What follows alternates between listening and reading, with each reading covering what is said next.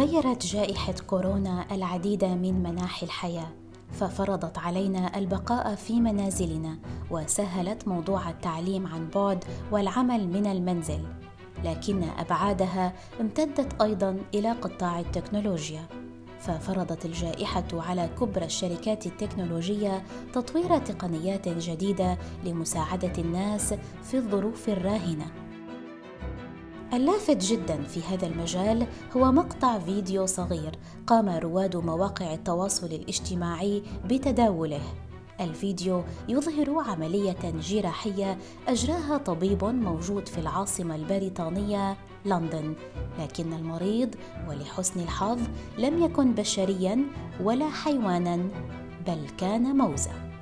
هذه الموزة كانت موجودة على بعد آلاف الكيلومترات عن يدي الطبيب، إذ تم وضعها في مختبر بولاية كاليفورنيا الأمريكية لكن وبفضل تقنية شبكة الجيل الخامس أو 5G استطاع الطبيب السيطرة على آلاته الجراحية وكأنه موجود فعليا داخل غرفة العمليات. فما هي أبعاد هذا الفيديو الذي انتشر على نطاق واسع على شبكات التواصل الاجتماعي؟ وهل سيشكل خطوة نحو عولمة الجراحة وتطوير تقنيات ممارسة الطب عن بعد؟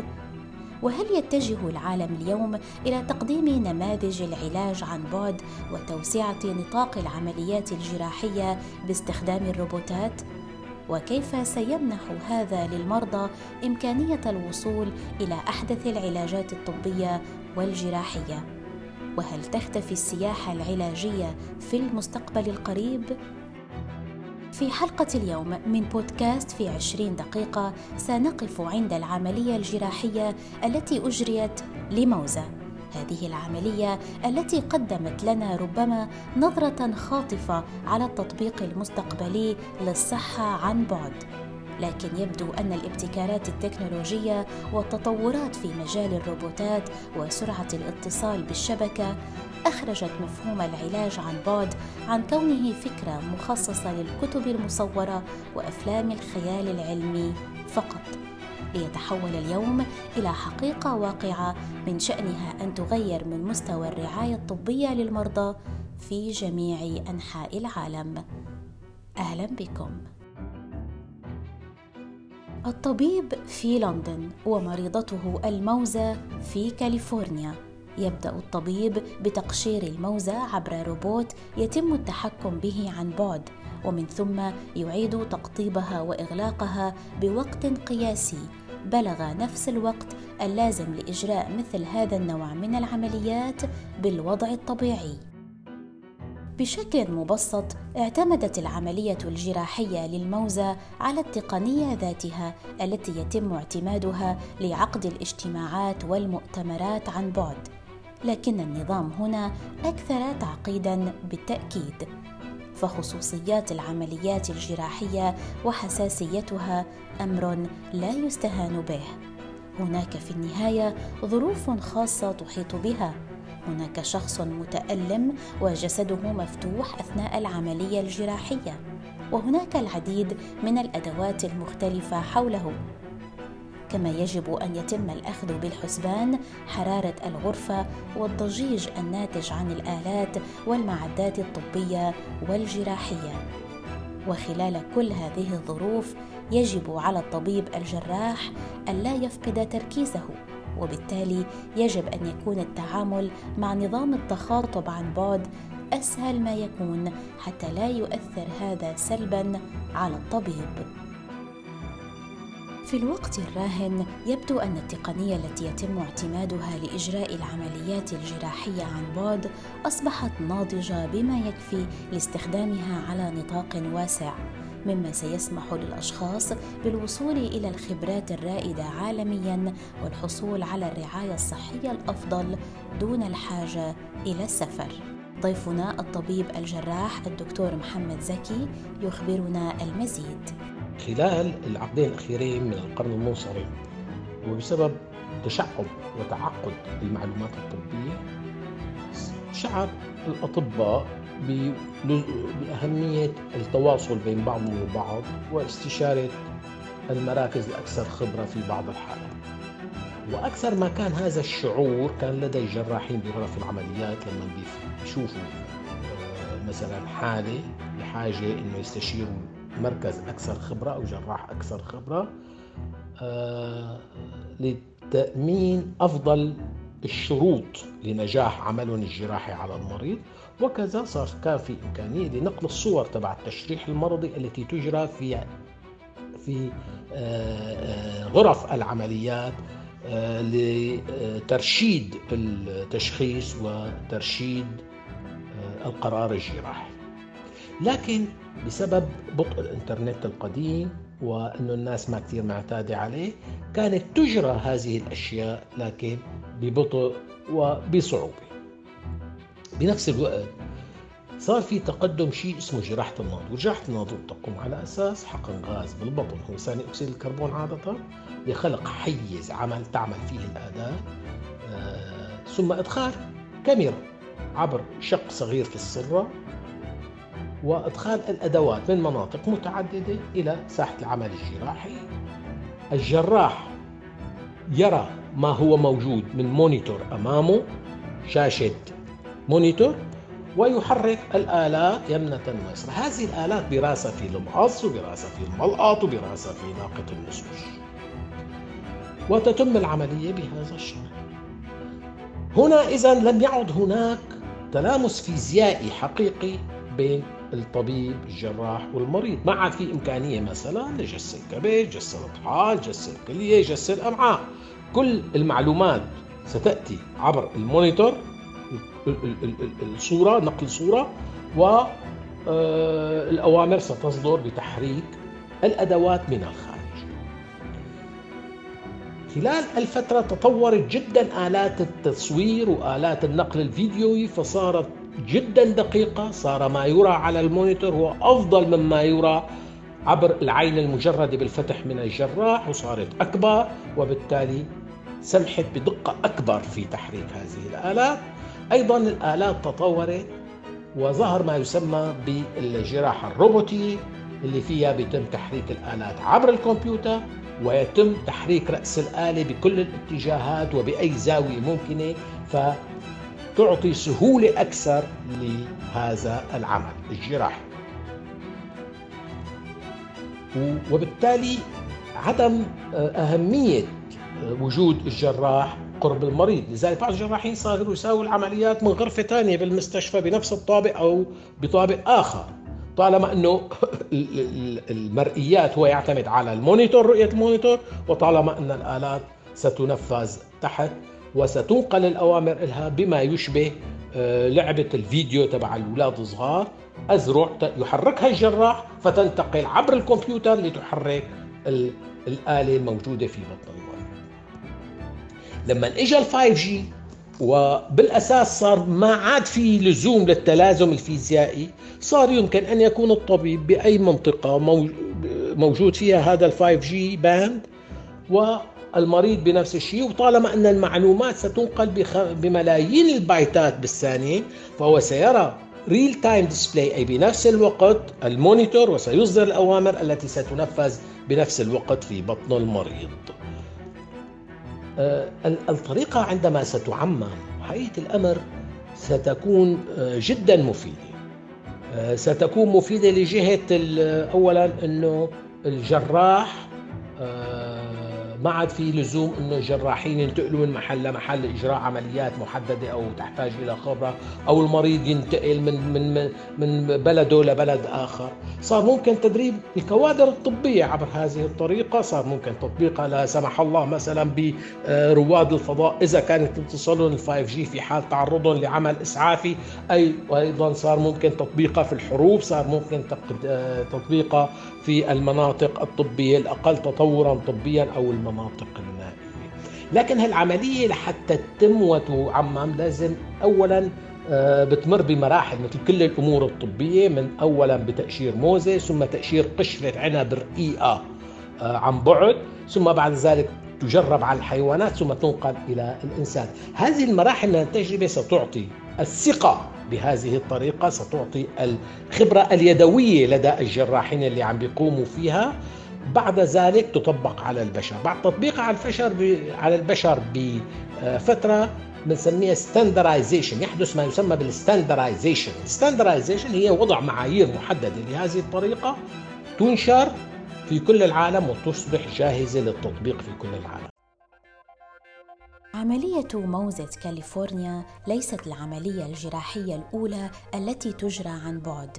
ففي السابع من أيلول سبتمبر عام 2001 تم إجراء عملية جراحية بالكامل عن بعد بواسطة فريق من الجراحين الفرنسيين الذين كانوا موجودين آنذاك في نيويورك. وكانت المريضة سيدة تبلغ من العمر 68 عاماً موجودة على بعد أكثر من 6000 كيلومتر في غرفة عمليات في ستراسبورغ شرق فرنسا.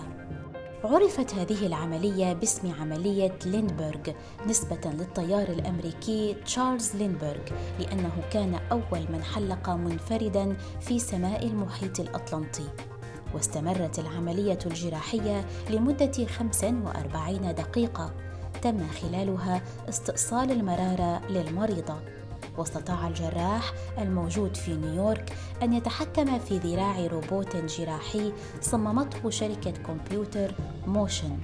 وتم توفير الاتصال بين الروبوت والجراح عن طريق خدمة ألياف بصرية فائقة السرعة قدمتها شركة France Telecom. وكانت هذه المرة الأولى في تاريخ الطب التي تثبت فيها التقنيات قدرتها على تقليل التأخير في الوقت الذي يحدث غالبا عند البث من مسافات بعيدة حتى تتم مثل هذه العمليات بنجاح.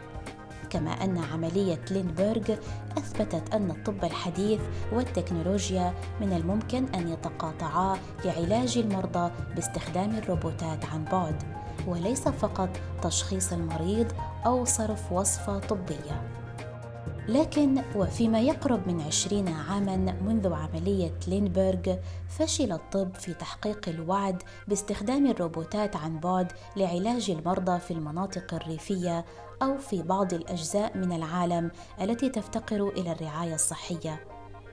قد تكون الخدمات اللوجستية المعقدة للإجراءات عن بعد بالإضافة إلى المخاوف بشأن موثوقية الإنترنت وعرض النطاق الترددي والسرعة والأمن أدت جميعها إلى منع التنفيذ الواسع النطاق للعمليات الجراحية الروبوتية عن بعد حتى الآن.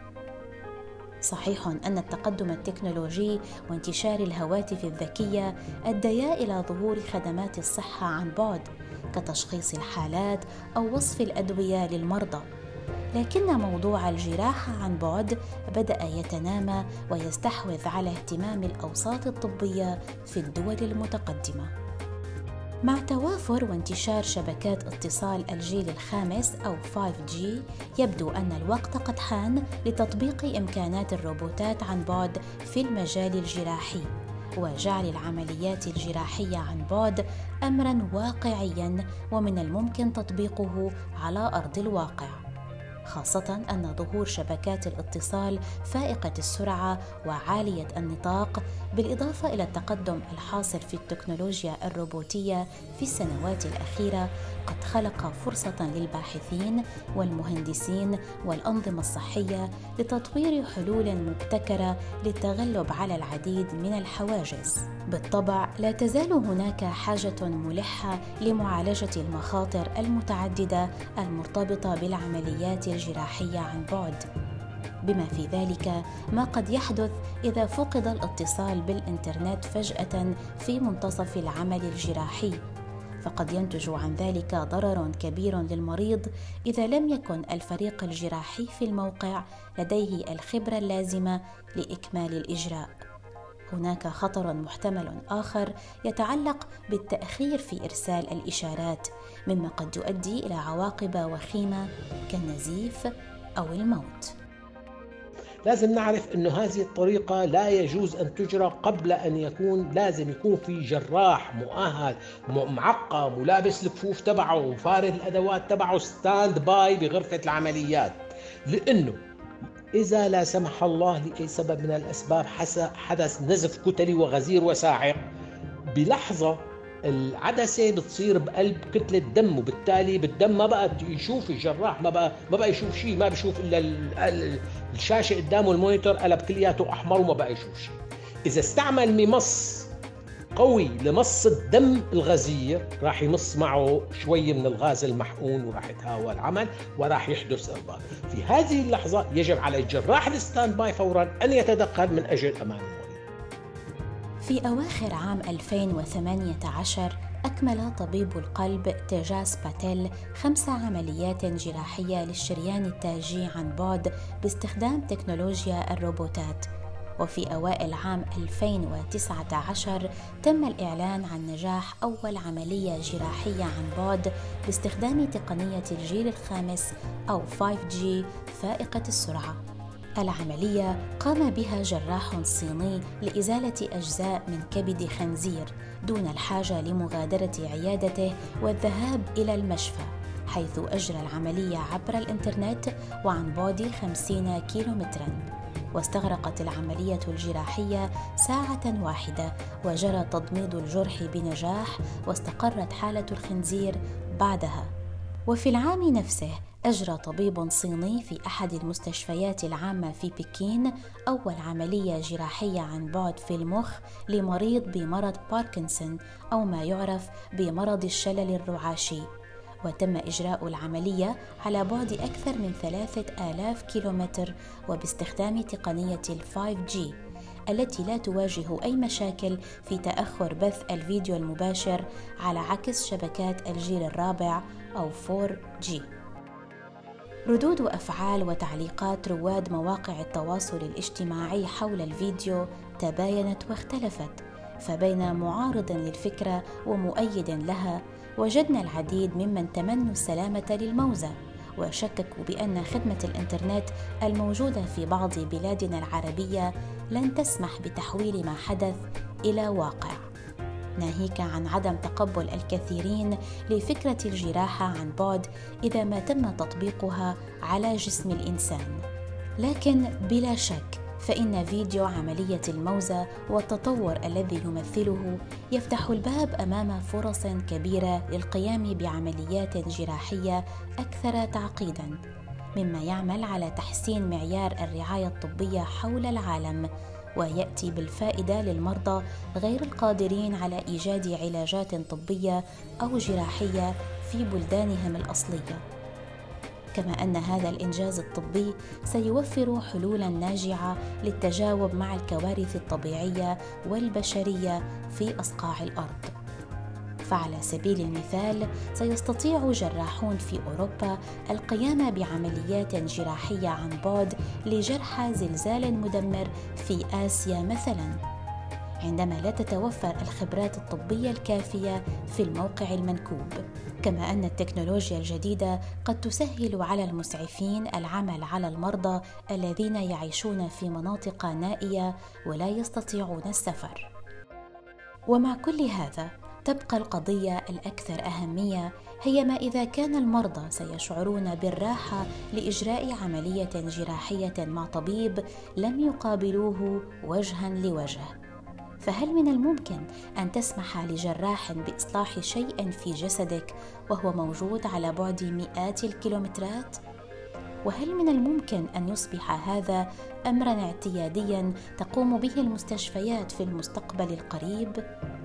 لكن إذا حدث خطأ ما فمن ينبغي اعتباره مسؤولا؟